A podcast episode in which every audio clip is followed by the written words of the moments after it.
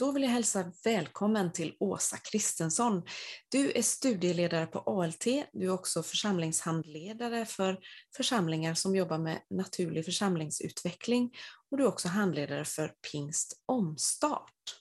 Åsa, du har skrivit boken Församlingskultur, navet i församlingens gemensamma liv och det var ju ett resultat av det omfattande forskningsarbetet som du gjorde i din mastersuppsats. Eh, du undersökte 20 olika församlingar under fyra år. Eh, var det någonting som framträdde tydligt i din undersökning? Eh, ja, det som jag såg eh, när jag skrev om detta och tittade på det här, det var ju att församlingskulturen är viktig för hur trovärdig församlingen kommer uppfattas. Och om inte kulturen och budskapet, det man predikar, stämmer överens så blir inte vi som kristna trovärdiga. Eh, ledarna, och ledarna i kulturen är ans, ledarna i församlingen är ansvariga för kulturen i församlingen också. Men det, det som jag såg då är, när jag jämförde mellan växande och minskande församlingssammanhang så präglas växande sammanhang i högre grad av en välkomnande och positiv atmosfär. Gudstjänsterna uppfattas som mer attraktiva för icke kyrkvana besökare. Och det var den frågan som det var eh, störst skillnad i hur många som instämde i den bland de växande och minskande församlingarna. Att gudstjänsten Eh, Eh, är mer attraherande för icke kyrkvana människor. Sen finns det en, fanns det en eh, större attityd av tro och initiativ. Och man hade ett beteende av att i större grad hjälpa människor att få vänner i församlingen. Och att man var också mer gåvobaserad. Eh, och man hade en flexiblare struktur, var mer förändringsbenägna, även om inte det var jättehögt i någon av dem, men det var ändå högre i växande sammanhang. Och de handlingsmönster som man, det som man ville då göra som församling hade fått större genomslag. Och ledarna var i högre grad andliga, eller man såg dem i högre grad som andliga föredömen och mer intresserade av medlemmarnas problem. Också bättre på att samarbeta. Eh, sen så såg jag också att eh, visionen och budskapet eh, behöver levas genom kulturen då. Och ledarna är kulturbärare. Och i båda sammanhangen upplevde man kulturen mer positiv i församlingen än i smågruppen, vilket var lite förvånande då. Mm. Eh, och sen verkar inte heller ledarträningen ha prioriterats i varken minskande eller växande sammanhang. Och eh, något som förvånar mig ganska mycket och faktiskt blev en, en väckarklocka, det var att i båda församlingsgrupperna, både de som växte och de som minskade, så låg samtalet om andlig fördjupning och växt i ens egen eh, personliga liv på en väldigt låg nivå. Och då tänker jag så här, men vad är då tillväxt i en församlings eh, Gudsrikets perspektiv? Det är ju inte bara att vi kan räkna in mer antal besökare, utan det har ju också med vad som händer i människors liv, människors inre att göra. Så det är ju någonting som man verkligen behöver ta på allvar, tänker jag, och fundera över. Och sen så sågs den extroverta kulturen som mer prioriterad och eftersträvansvärd. Men då blir också en fråga för mig, vad händer med de som är introverta? Är det de som lämnar våra sammanhang då, eller fångar vi upp dem? Eller, ja, vad, bli, måste de bli som bli, måste de bli extroverta för att trivas eller för att kunna vara engagerade i, i en församling? Det var en fråga som växte för mig. Ja, precis. Det, var, det är lite spännande att fundera kring hur, hur man gör, eh, hur man liksom arbetar i en församling för att få alla typer av människor att trivas i församlingen. Mm. Ja. Eh, hur, hur, kan man bli en växande församling då i, i om man ska tänka på hur, hur Guds rike liksom ska framhävas? Ja, Ja, och det är ju det som är lite intressant och när man tittar i, i läser i Bibeln eh, och det blir helt tydligt att växt kan ju bara Gud ge. Men vi eh, uppmanas att ändå skapa förutsättningar för växt. Och det finns en liknelse om en bonde som går ut och förbereder jorden och han sår och så, men, men eh, av sig själv bär jorden gröda, står det. Och, sen så tar han hand om skörden. Och jag tänker att det är Gud som skapar där växten i jorden. När vi sår någonting så kommer det upp utan att vi kan ta åt oss äran för det, för att Gud har lagt ner det i, i, i naturen. Och samma sätt är det väl i en församling. Vi kan skapa förutsättningarna för att människor ska kunna ta till sig budskapet, men växten inne i en människa kan bara Gud eh, ge. Eh, och det, då behöver vi skapa de forumen där människor kan möta Gud, få beröras av honom, få eh, bli eh, inspirerade och vilja förvandlas av hans kärlek. Eh, och, och låta, så att man i det då kan låta Gud få forma ens beteende och sätt man gör saker på. Eh, så att det är ju någonting som händer på insidan som inte är så lätt att förklara, men vi måste ändå ha forumen i en församling för det. Vi kan inte hålla på med massa andra grejer bara, som ibland blir fokus, utan det, det är det här det handlar om, att människor ska få möta Gud och bli förvandlade av honom som jag ser tillväxt i ett Gudsrikets perspektiv. Jesus var ju inte intresserad av att samla massorna. Han var intresserad av vad, vad, vad som hände i deras inre. Han predikar ju i Johannes kapitel 6 att de gick iväg alla och så frågar han lärjungarna, ska ni också gå? Det var inte, han var inte, såg inte sig som misslyckad för det.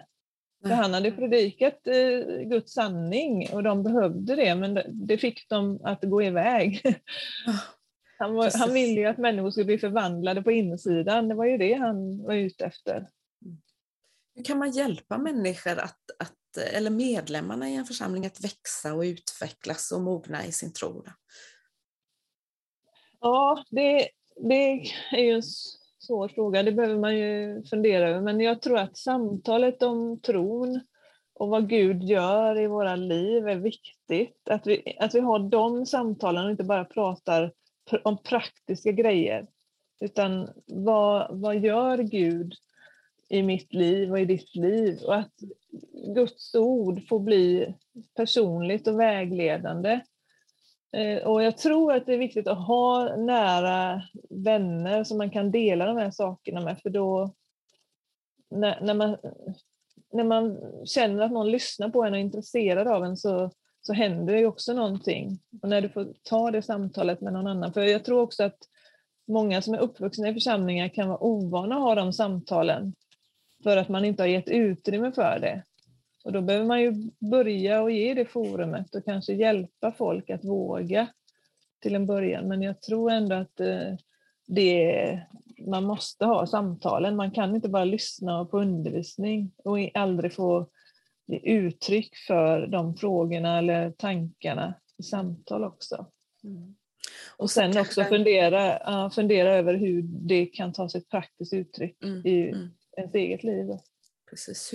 Alltså för man måste kunna hjälpa människor att blomma upp i de gåvor som Gud har, har gett oss.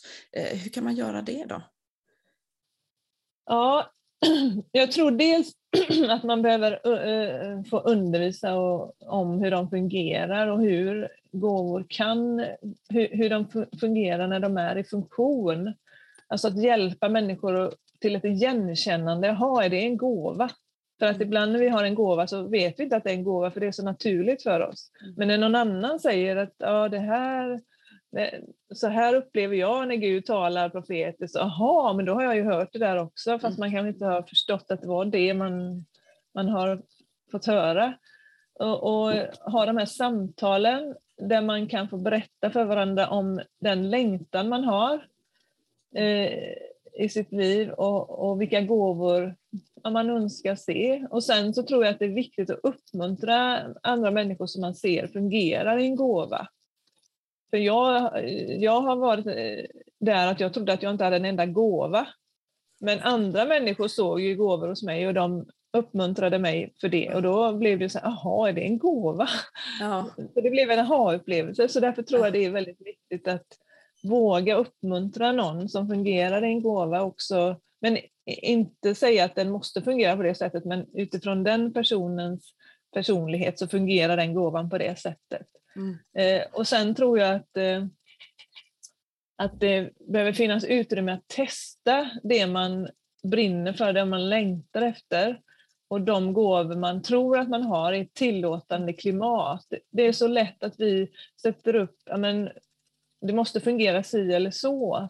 Och så kritiserar man den som inte har nått upp dit eller så plockar man bort den för att man tycker inte den eh, uppfyller kraven. Och det gör ju inte att människor vågar testa. Man måste ha ett tillåtande klimat där man också får göra fel. Eh, och ibland så är det så att våra verksamhetsformer som vi har idag eh, inte ger människor frihet att fungera i sina gåvor utan man säger att du ska göra så här. Och då blir det mer kvävande och hämmande. Mm. Istället behöver man nog börja och fråga eh, vad är det du brinner för och hur vill du göra det här? Mm. Eh, vad har du din glädje i? Vad skulle du kunna engagera dig i här? Jag tror de mm. samtalen behöver man börja få igång mm. faktiskt. Och se varje människa och inte säga att du måste göra på det här sättet om du ska kunna vara med här. Mm. Ja, det kanske är på det sättet också man får medlemmar att vilja engagera sig. Ja. Eh, att man faktiskt ser deras eh, och frågar just den ja. frågan. Vad brinner ja. du för? Vad skulle du vilja göra? och det tar ju lite mer tid, men, mm. Eh, men det är värt det skulle jag vilja säga, mm. för det är det som församling handlar om. Det, det tar alltid mer tid att samarbeta med någon annan människa om någonting, men det är också mycket roligare och det ger mycket mer. Mm. Ibland tänker man att jag gör det själv, det går fortare. Ja, fast det, det dränerar ju längden på energi. Men när människor ja. hittar sina gåvor och får komma i funktion i dem så ger ju det energi. Ja. Och det som någon annan tycker är jättetråkigt kan någon annan tycka är jättespännande och roligt. Och det tycker jag är fascinerande, att vi är så olika för att Gud har en tanke med det.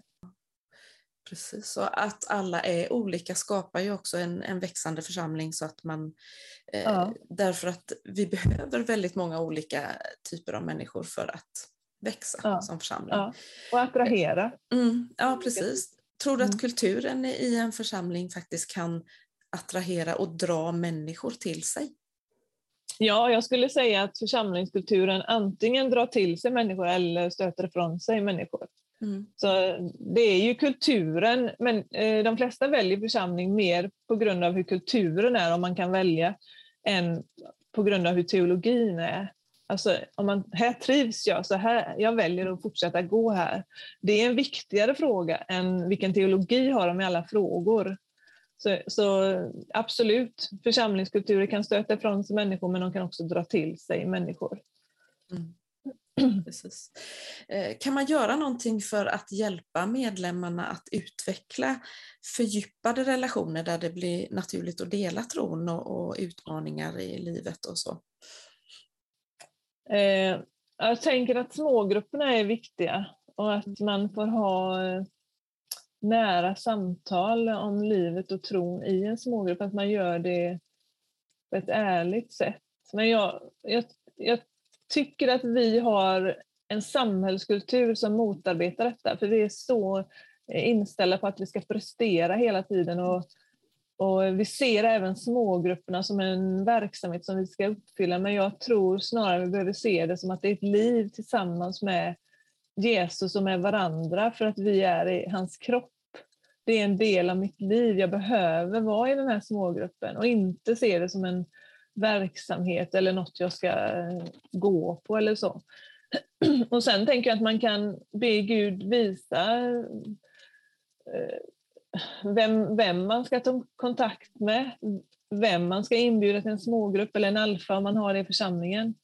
Och sen tror jag att alfa är en väldigt bra form faktiskt, för där finns det här samtalet och man får både undervisning, god mat och samtal i den miljön, men också samtala om det man undervisar om.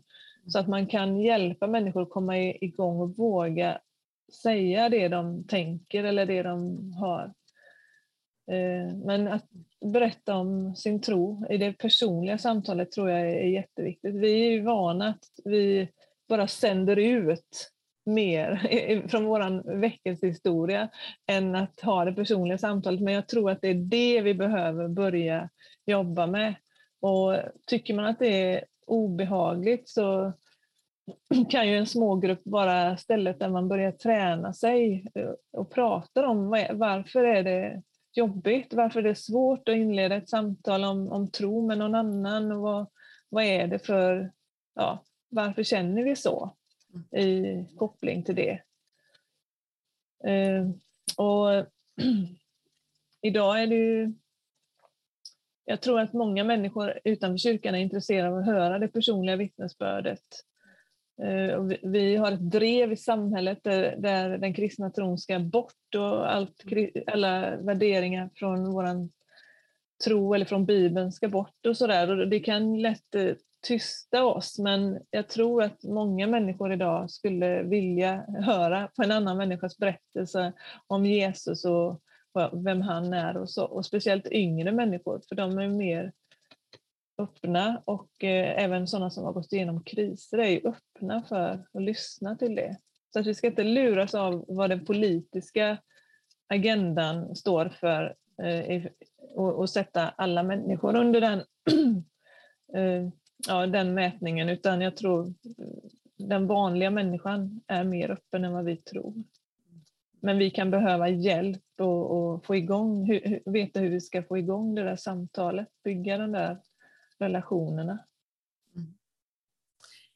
I eh, din masteruppsats eh, så studerade ju du NFU, naturlig församlingsutveckling, som är en församlingsutvecklingsprocess. Och du är också handledare för församlingen som vill göra den processen och även eh, handledare i Pingst Omstart. Eh, hur, hur går en sån process till om man som församling känner att jag skulle verkligen vilja eh, gå vidare med de här frågorna? Ja, jag, jag tror att alla församlingar behöver jobba med de här frågorna på ett eller annat sätt som, som lyfts fram både i NFU men också i Pingst Omstart. Eh, för att eh, ha att man inte ska fastna i, i olika former eller mönster som till slut gör att församlingen, oj vad händer nu, står still eller minskar eller vad det nu är. Då.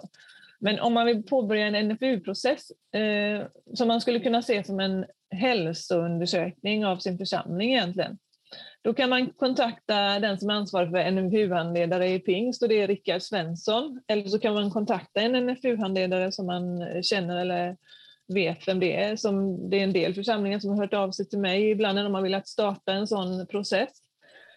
Och då pratar man ju om detta i församlingen, man behöver förankra det i församlingen. För NFU, det är ju inte, vad är detta nu, är det en ny metod? Men det är det ju inte egentligen, utan det handlar ju om att eh, hjälpa församlingen att utvecklas och det borde vi alltid hålla igång. Eh, och sen efter det så får man titta igenom sin matrikel för att det är eh, 30 till 40 personer som, är, eh, som uppfyller tre kriterier som ska göra en, eh, svara på en enkät med, med ett antal frågor. Då. Det är 91 frågor. Eh, och de som uppfyller de tre kriterierna är de som är aktiva i församlingen har en regelbunden syssla och med i en smågrupp. Så det är tre, de tre.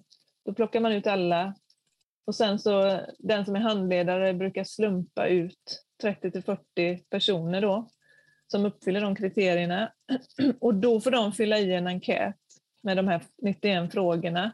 Nu är den digital, förut har det varit att man får göra det på papper. Mm. Sen skickas eh, resultatet till handledaren som den då får komma och presentera för församlingsledningen och utifrån det resultatet så är ju tanken då att det visar på svagheter i församlingen, saker som man egentligen kanske behöver tänka på. För frågorna handlar egentligen om församlingens liv. Alltså jag, jag, jag har människor jag ber, kan hjälpa mig att be när jag behöver det.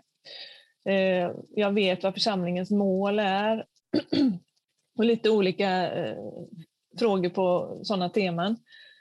Ehm, så utifrån det som kommer fram i svaren, för då är det för de aktiva i församlingen, det är deras bild som framträder där, så ska man då ta itu med bestämma som ledning. Det är ingenting som NFU-handledaren bestämmer, utan ledningen kommer i samtalet fram till vad man vill satsa på och hur man vill jobba vidare med de här olika bitarna. Och så finns NFU-handledaren med och ställer frågor och ja, men hur har ni tänkt att göra det här och hur lång tid ska det ta och vad är, vad är nästa steg och så. Så den eh, handledaren finns egentligen med bara för att hålla igång processen och ställa de här frågorna utifrån frågorna. Och också kunna kanske se saker som man inte alltid ser när man själv är en del av det. Och det finns ju åtta, bland annat åtta särdrag som de här frågorna mäter. Och ett är ju utrustande ledarskap. Och om det är lågt, om det är ett av de områdena där man är svag på, så kan ju det vara jobbigt för en församlingsledning. För det, det handlar om hur man som ledare är och le, leder församlingen då. Men det är ju väldigt lätt egentligen också. För att då, är man ju, då har man ju alla möjligheter att förändra det. Sen Precis. så finns det också, det mäter inspirerande gudstjänster, hängiven andlighet, kärleksfulla relationer, livsnära smågrupper, behovsorienterad evangelisation och funktionella strukturer. Så att, och sen så får man också olika teman de här frågorna sätts ihop på olika sätt så bildar de olika teman där man är stark i sin eh, kultur kan man säga då. Vi har en kultur av bön eller vi har en kultur av tillåtande eller ja. Och så får man också där man är svag, se var man är svagast. Det finns ju fyra olika teman där. Mm. Så att eh, det är, man ska se det som en hjälp, ungefär som när man går till läkaren som människa och får, men du har lågt blodtryck, du behöver göra det här. Ja, det här är församlingens hälsoundersökning. Det, det är nog här ni behöver sätta in eh, eh, lite kraft och energi och jobba med de här bitarna. Mm. Ja, gåvobaserad verksamhet är också en, en, eh, ett särdrag där. Då. Mm. Mm. Känns som det är någonting som man, många församlingar skulle behöva ta tag i, särskilt nu efter pandemin och man ska börja om, man ska liksom börja om igen. Ja. Att man kanske får börja tänka lite grann på hur, Ja. Hur, eh, vad vill vi vara för församling? Ja. Vad, vad, hur vill vi att människor ska se oss utifrån och, och inifrån? Vilka vill vi vara? Att det är viktiga saker att, att, prata om. Ja, och vad sätter vi fokus? Och sen är ju mm. tanken att man ska göra en sån undersökning med jämna mellanrum, kanske två, två års mellanrum, två och ett halvt, två, tre. Så då ser man ju också vad som har förändrats sen senaste undersökningen. Och det som, är, det som är positivt är ju att så fort man börjar jobba med någonting så påverkar det även alla de andra områdena. Så att det, det har en sån effekt på det. Bara att man går in i en sån process så, så ser man skillnad. Mm. Mycket spännande. Mm. Tack så mycket för att du ville vara med på den här intervjun, Åsa. Eh, är det någon som vill eh, lära sig mer om församlingskultur och eh, ehm, tillväxtfrågor inom eh, församlingar, då kan man läsa lite mer på församlingskultur.com som mm. är en hemsida som handlar om de här frågorna och även där finns ju information om boken som du har skrivit, Församlingskultur, mm. navet i församlingens gemensamma liv. Mm. Ehm, Tack Åsa, eh, mycket intressant. Eh, hoppas att vi får höra mer om de här frågorna framöver. Mm, tack så mycket.